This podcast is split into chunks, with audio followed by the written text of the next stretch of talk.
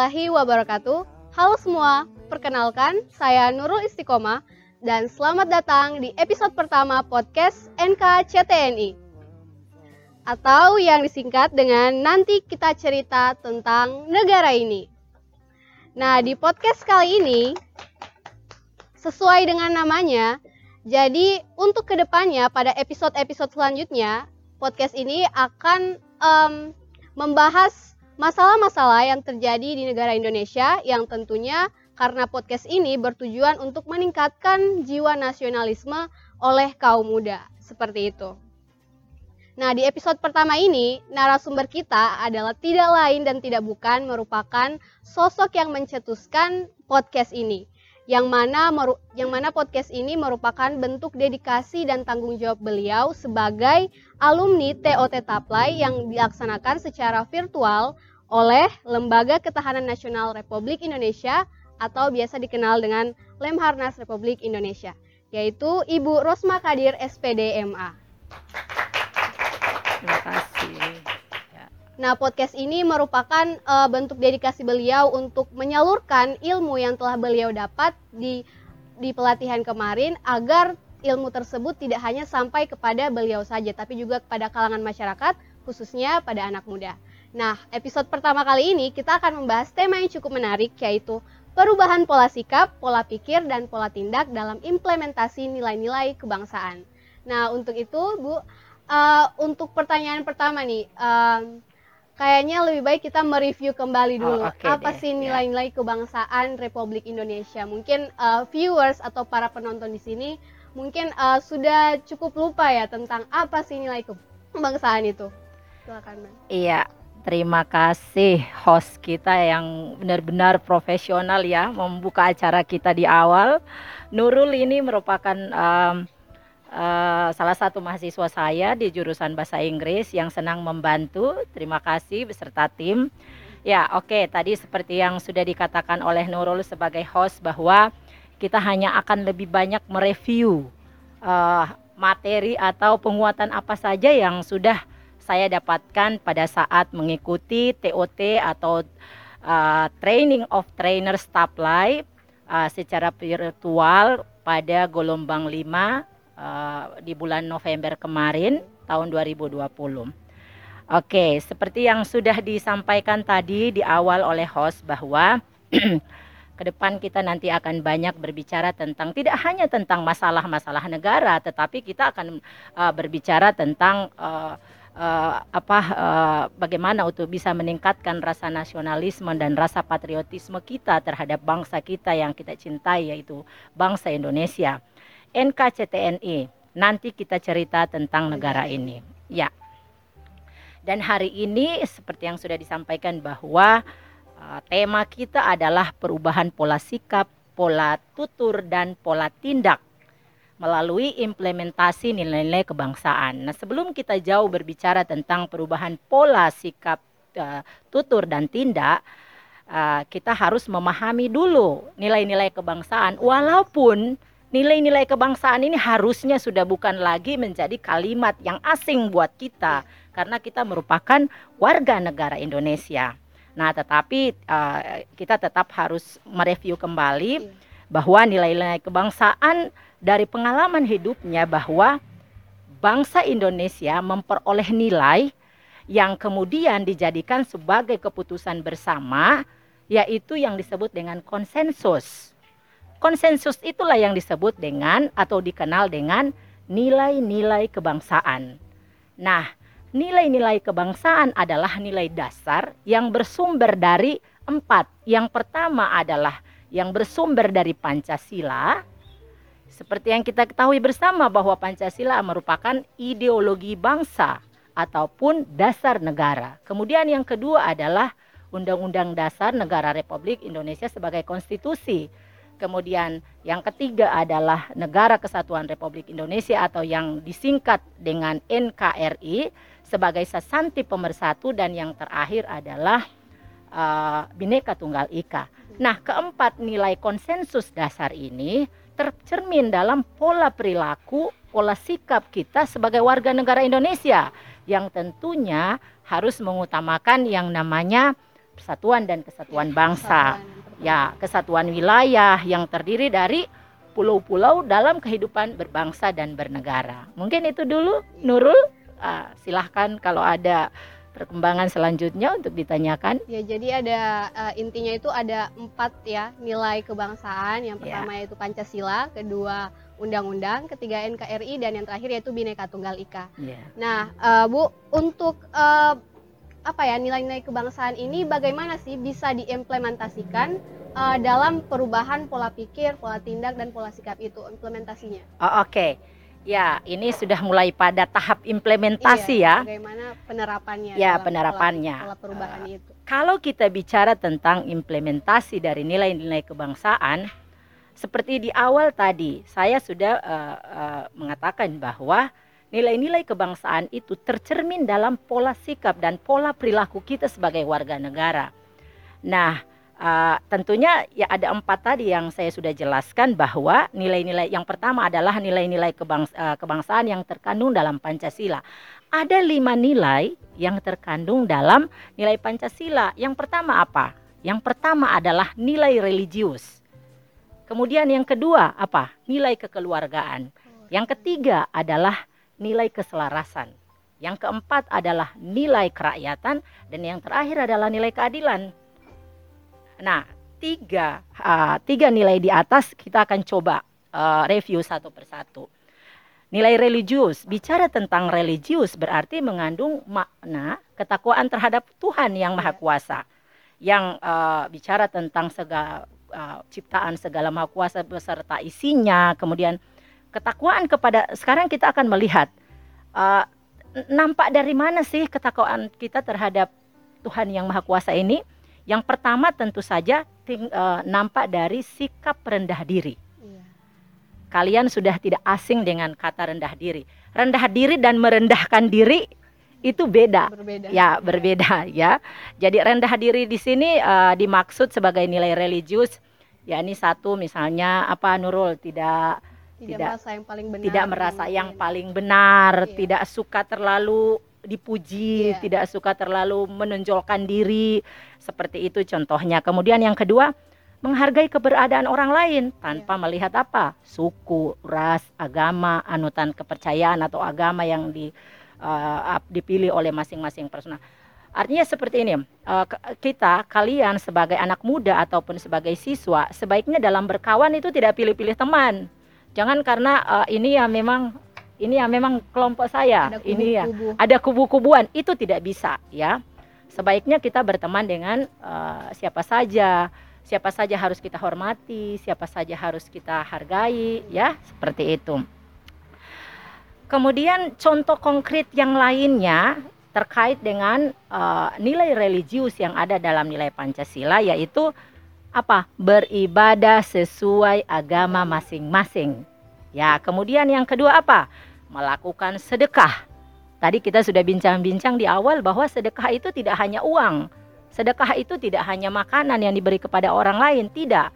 Tetapi sedekah itu misalnya eh, ada tetangga kita yang sedang apa membangun rumah atau sedang bekerja apa saja atau sedang ada hajatan, kita tidak harus memberikan uang kepada tetangga kita, tetapi kita bisa memberikan tenaga kita untuk membantu royong. ya, ya untuk melakukan eh, apa itu ya salah satu nilai religiusnya. Kemudian membantu orang lain tanpa membeda-bedakan. Jangan melihat eh, apa seseorang dari anutan kepercayaannya ah karena kita tidak seiman dengan dia ah Iya. kita tidak perlu membantu. Ah, sebaiknya tidak seperti itu. Hal itu tidak di tidak direkomendasikan oleh oleh nilai religius yang ada dalam eh, yang bersumber dari nilai-nilai Pancasila. Kemudian yang berikut adalah menjaga ucapan atau perbuatan. Ya, ucapan Ya, Ya, jadi sangat berbahaya. ya ucapan Jika- sangat berbahaya ya. Jadi hati-hati dengan ucapan. Apalagi eh, kalian harus bisa membedakan kapan kita berbicara dengan orang lebih tua dari kita. Kapan kita berbicara dengan orang yang sebaya dengan kita. Nah, itu kita harus berusaha untuk menjaga jangan sampai ada kata-kata yang tidak uh, sepatutnya kita ungkapkan kepada orang lain yang akan membuat uh, apa namanya uh, tidak baiklah hubungan kita bersama orang lain. Biasakan untuk berkata baik dan sopan, ya. Etika harus didahulukan, ya. Kemudian ada satu lagi, mengasihi orang yang kurang mampu. Ya, jangan uh, sebaiknya untuk tidak seperti ini kalian. Dia, dia sudah kita tahu dalam kondisi yang tidak punya. Eh tiba-tiba kita datang dengan bercerita misalnya, ah ini saya baru beli handphone baru nih. Nah, atau ini saya baru uh, jalan jalan liburan deh. Itu tidak mencerminkan nilai-nilai uh, religius yang ada dalam yang terkandung dalam Pancasila. Yang kedua adalah nilai kekeluargaan.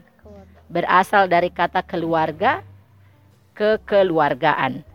Yang kekeluargaan ini eh, seperti apa? Coba.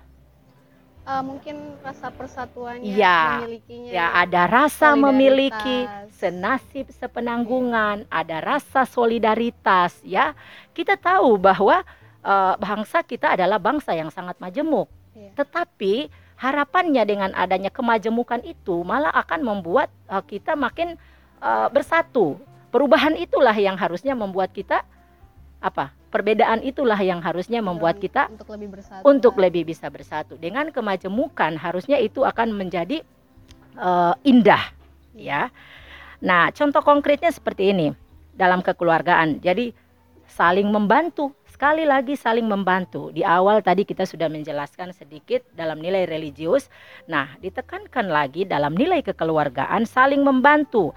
Ada saat uh, pada saat orang lain ada kesusahan, ya kita harus uh, memberikan bantuan, kita menjalin tali persaudaraan yang kuat antara satu dengan yang lain. Kemudian kita harus menciptakan kerukunan uh, bersama, membuat suasana nyaman, ya dan uh, tentunya peduli terhadap sesama.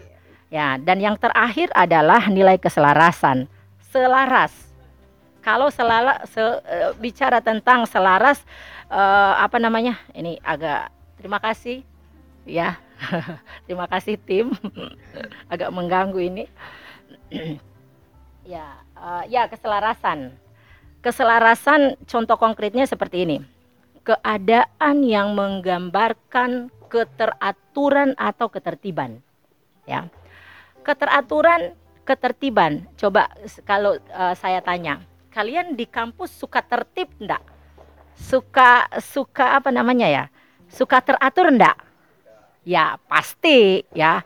Kalau tidak teratur dan tidak tertib, tentunya kalian tidak akan bisa menyelesaikan apa? Tidak akan bisa menyelesaikan kredit-kredit semester kalian yang ada dalam setiap semester dengan adanya ketertiban, dengan adanya keteraturan yang kalian uh, apa lakoni, maka itu akan membuat kalian lebih teratur dalam uh, apa menyelesaikan uh, uh, kuliah kalian. Kemudian um, uh, selain tertib, teratur, taat. Taat menjalankan apa?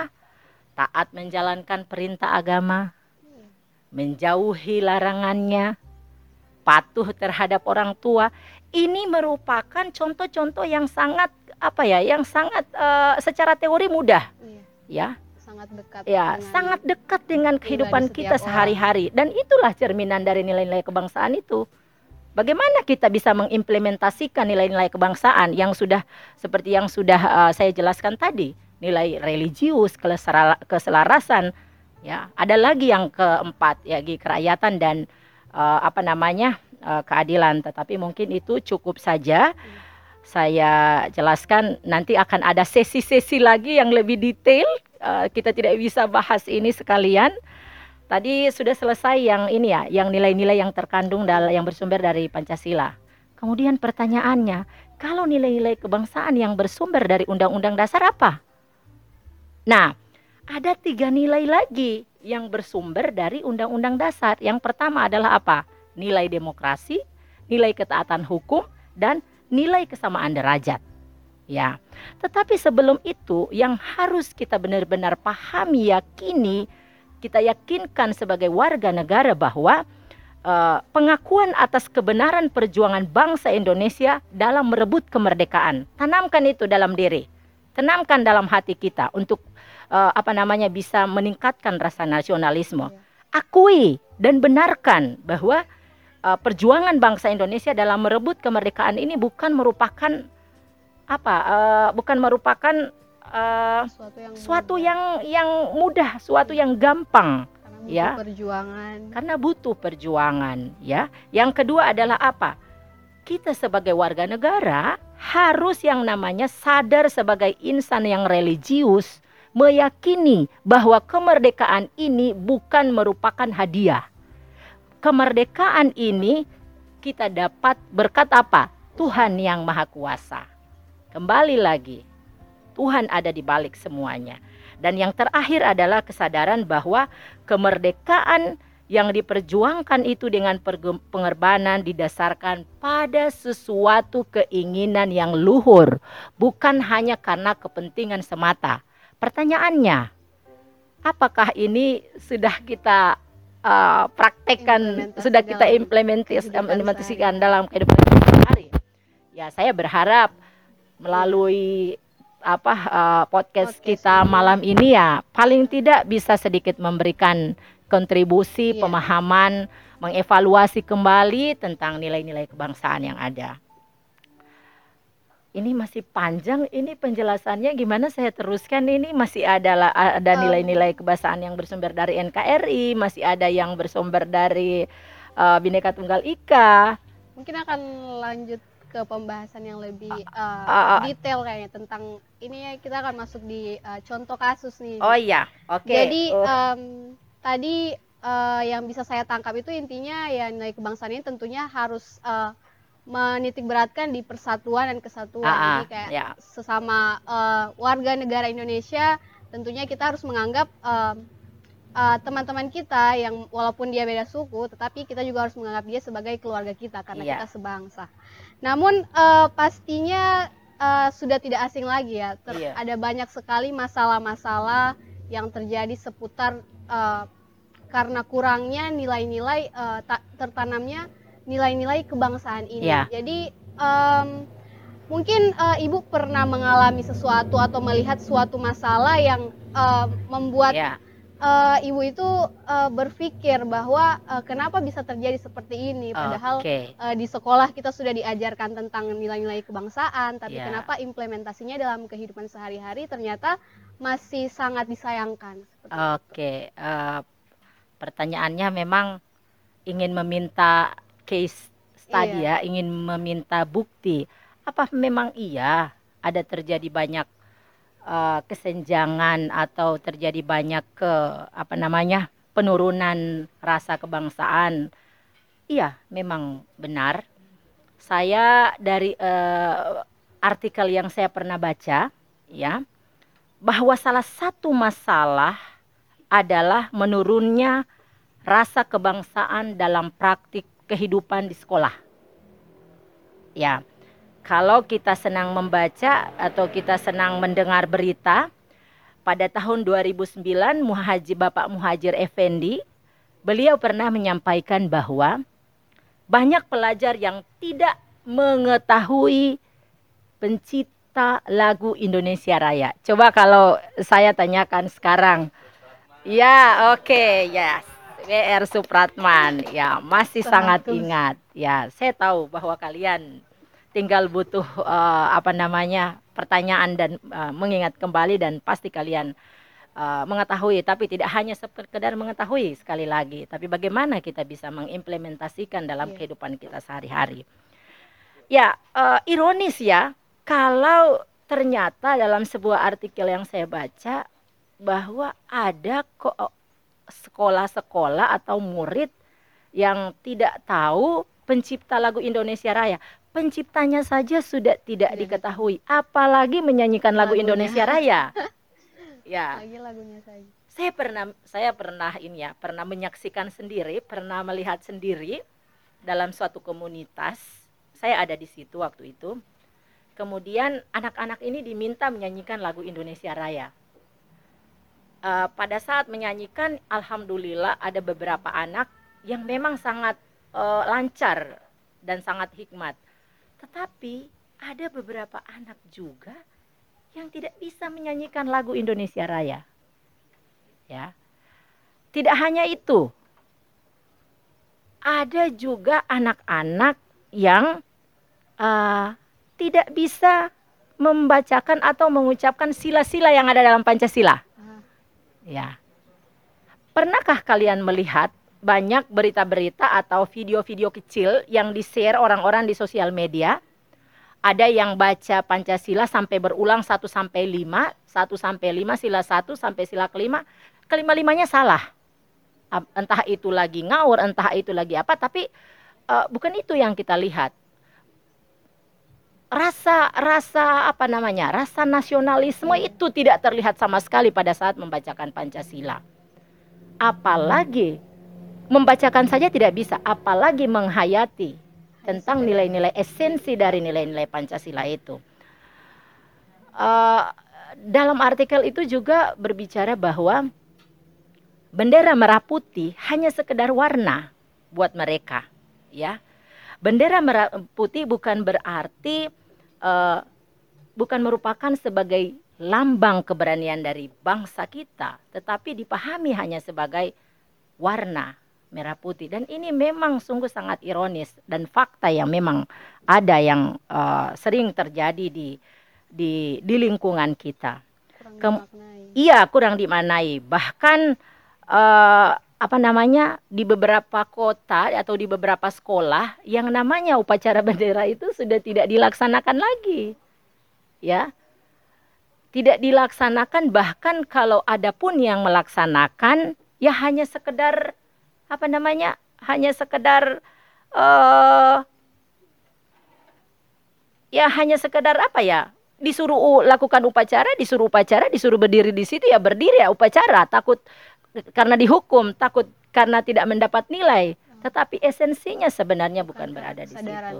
Bukan karena kesadaran sendiri. Padahal yang diharapkan iya. pada upacara itu merupakan wadah untuk menghormati dan menghargai para pahlawan, pahlawan iya. yang telah berjuang merebut kemerdekaan dari tangan penjajah. Gitu. Uh, apa uh, Nurul. Kemudian yang sangat dominan juga kita lihat Semoga ini tidak terjadi di lingkungan kita, tetapi kalau ini pun terjadi, sekali lagi saya berharap ini akan bisa memberikan sedikit kontribusi. Paling tidak saya sudah sedikit memberikan solusi terhadap bangsa ini. Munculnya sikap individualisme. Yeah. Sadar atau tidak, kalian pernah mengalami atau pernah berada di lingkungan seseorang atau teman yang memiliki rasa individualisme yang sangat tinggi? Yeah. Ya, ada ada. Ada kan? Uh, tidak peduli dengan antar sesama. Contoh misalnya dalam suatu kelas nih mau iya. ujian. Ada ada orang yang IQ-nya agak di atas, ada yang sedang, ada yang memang perlu bantuan. Pertanyaannya, apakah ada rasa empati terhadap kita begitu melihat ada teman kita yang tidak mampu? Nah, ada, ada atau tidak? Ya, harusnya ada karena itu yang diharapkan oleh nilai-nilai yang terkandung dalam eh, nilai-nilai kebangsaan. Ya, sekali lagi kita kembali ke situ. Kita sebagai warga negara Indonesia, cerminan kita adalah nilai-nilai kebangsaan, Pancasila, UUD, NKRI dan Bhinneka Tunggal Ika. Harusnya sikap individualisme siswa atau mahasiswa itu kita bisa uh, apa eliminir sedikit demi sedikit. Banyak siswa itu cenderung cuek tidak ada rasa peduli terhadap orang lain eh, terhadap orang lain ya. Nah uh, apabila hal-hal ini diabaikan dan dibiarkan kira-kira apa yang akan terjadi Nurul? Ya, ya. mereka kan eh, selama hidup mereka itu tidak ada masalah ya mereka menganggap bahwa dunia ini baik-baik saja. Iya. Tanpa oh hidup saya baik-baik saja hidup, jadi ya tidak ada tidak rasa. iya, ya tidak ada rasa tidak apa ya? peduli terhadap peduli yang terhadap lain. yang lain. Jadi ya harusnya kita harus memberikan solusi karena ini akan mengancam bangsa. Sikap-sikap yang tadi yang saya jelaskan itu akan semakin mengancam kehidupan bangsa. Sebab apa? Generasi muda kalian sebagai siswa sekolah merupakan generasi penerus bangsa. Ya, itu saja. Nurul. Oke, baik. Uh, jadi uh, sebagai uh, closing statement nih Bu. Jadi ya. uh, harapan eh, Ibu untuk em, anak muda, untuk masyarakat juga tentang implementasi nilai-nilai kebangsaan ini bagaimana agar eh, tentunya Indonesia bisa jadi lebih baik lagi dan bisa kurang rasa individualis itu. Oke. Harapannya bagaimana? Bu? Uh, gini ya, Nurul, uh, saya ingin saya sebelum menjawab itu boleh tidak saya ingin memperlihatkan uh, tanda-tanda kehancuran bangsa. Ini juga saya pernah baca di artikel Lemhanas RI ya. Jadi ada 10 tanda-tanda kehancuran bangsa. Saya berharap setelah saya ungkapkan ke 10 ini, maka ini akan menjadi modal buat kita semua. Yang pertama adalah meningkatnya kekerasan di kalangan remaja. Iya. Ya, ada tawuran di mana-mana.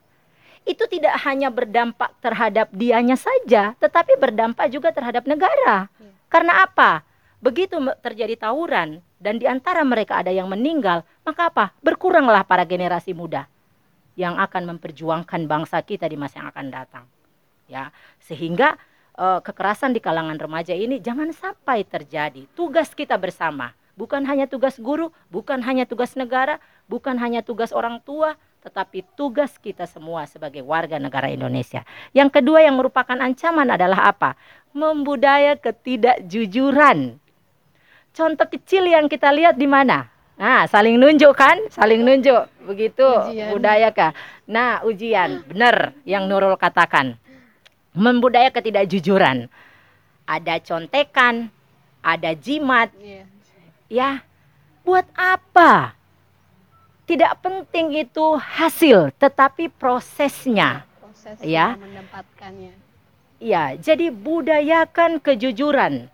Jangan ketidakjujuran yang dibudayakan, yang dibudayakan. Yang ketiga apa adalah sikap fanatik terhadap apa? Terhadap kelompok. Sebaiknya tidak juga. Kita sama. Di mata hukum, kita sebagai warga negara memiliki hak dan kedudukan yang sama. Jadi tidak ada yang uh, dibeda-bedakan. Yang keempat adalah rasa rendahnya rasa hormat kepada orang tua dan guru.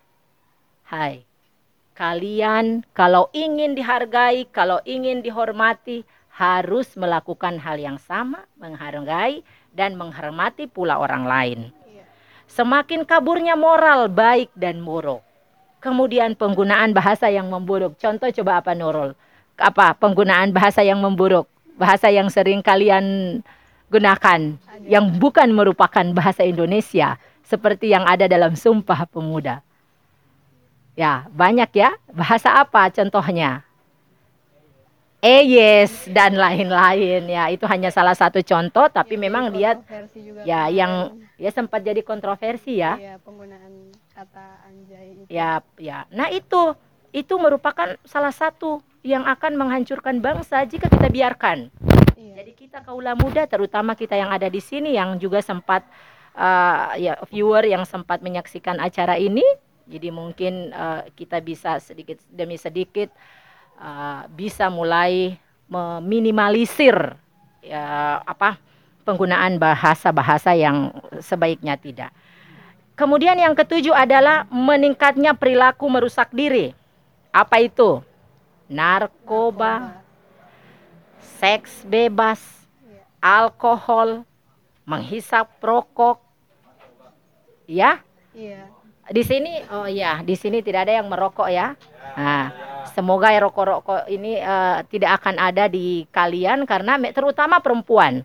Iya. Banyak video-video yang kita lihat cerminan-cerminan eh, hal yang eh, saya sampaikan ini entah itu hanya sebagai apa namanya entah itu hanya sebagai iseng atau apa ya tentunya ini tidak baik untuk dipertentukan kepada halayak ramai. Yang kedelapan adalah rendahnya rasa tanggung jawab sebagai pribadi dan warga negara. Contohnya apa?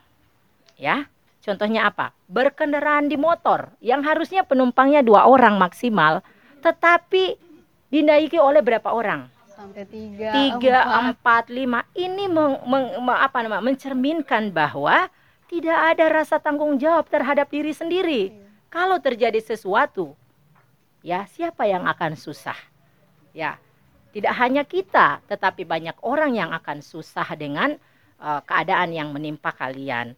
Yang berikut adalah apa? Rasa tanggung jawab atas ketertiban umum. Keselamatan jiwa sendiri dan warga orang lain.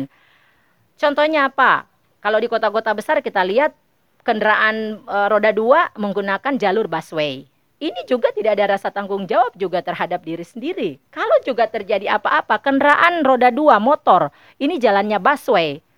Tapi walaupun diberikan punishment, walaupun diberlakukan aturan, tetap aja ada yang melanggar.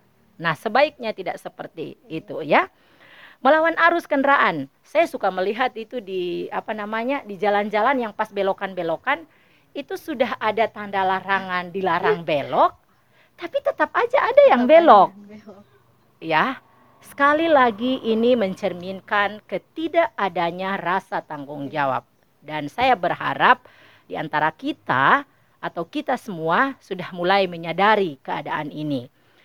Kemudian um, rasa tanggung jawab atas kebersihan dan kenyamanan lingkungan, membuang sampah di sungai, ya, rasa tanggung jawab, pelestarian lingkungan, dan anak cucu. Kalau bicara kelestarian lingkungan, kenyamanan, nyaman tidak kalau kita lewat dalam setiap dalam sebuah jalan ada bau-bau pesing misalnya, ya. Nah itu ada yang suka kencing sembarangan, itu sebaiknya tidak, tidak mencerminkan juga rasa tanggung jawab.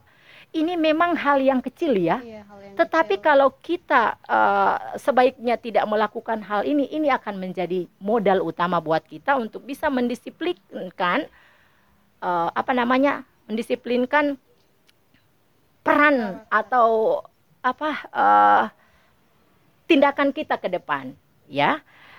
Yang kesembilan adalah menurunnya etos kerja dan adanya rasa saling curiga. Terkait etos kerja, kalau kita sudah punya pekerjaan, sudah bekerja baik di instansi pemerintah maupun swasta. Kebanyakan kita melihat atau kebanyakan kita lihat di berita-berita ada banyak PNS yang kena razia. Ya, baik di mall-mall atau di tempat-tempat uh, publik umum pada jam-jam kantor otomatis ini akan menurunkan etos kerja dan merugikan negara. Ya. Nah, sebaiknya sekali lagi kita tidak melakukan hal ini. Tidak boleh ada rasa curiga, tetapi kalau saling mengingatkan silahkan. Iya. Dan yang terakhir adalah kurangnya kepedulian di antara sesama. Melihat orang kesulitan di jalan, tidak ada kepekaan untuk membantu. Ya, karena saya buru-buru buat apa dia saya nanti apalagi pada saat corona seperti ini ya kasihan orang yang sudah pada saat COVID itu kebanyakan orang yang mengalami uh, krisis ekonomi. krisis ekonomi, kecelakaan di jalan orang takut mendekat. Iya. Ya, karena takut kena virus. Ya. Nah, sebaiknya kita bisa membedakan ke apa uh, kenyataan yang ada di dalam uh, apa lingkungan kita, lingkungan masyarakat. Dan yang terakhir, paling terakhir adalah hanya satu tanah air yang dapat disebut tanah airku, yaitu tanah air Indonesiaku, Indonesia Raya. Baiklah, jadi uh, itu adalah closing statement dari podcast NKCTNI di episode pertama ini. Saya Nurul Istiqomah, sampai jumpa di episode yang selanjutnya. Ya. Wassalamualaikum warahmatullahi wabarakatuh. Terima kasih. Waalaikumsalam warahmatullahi wabarakatuh.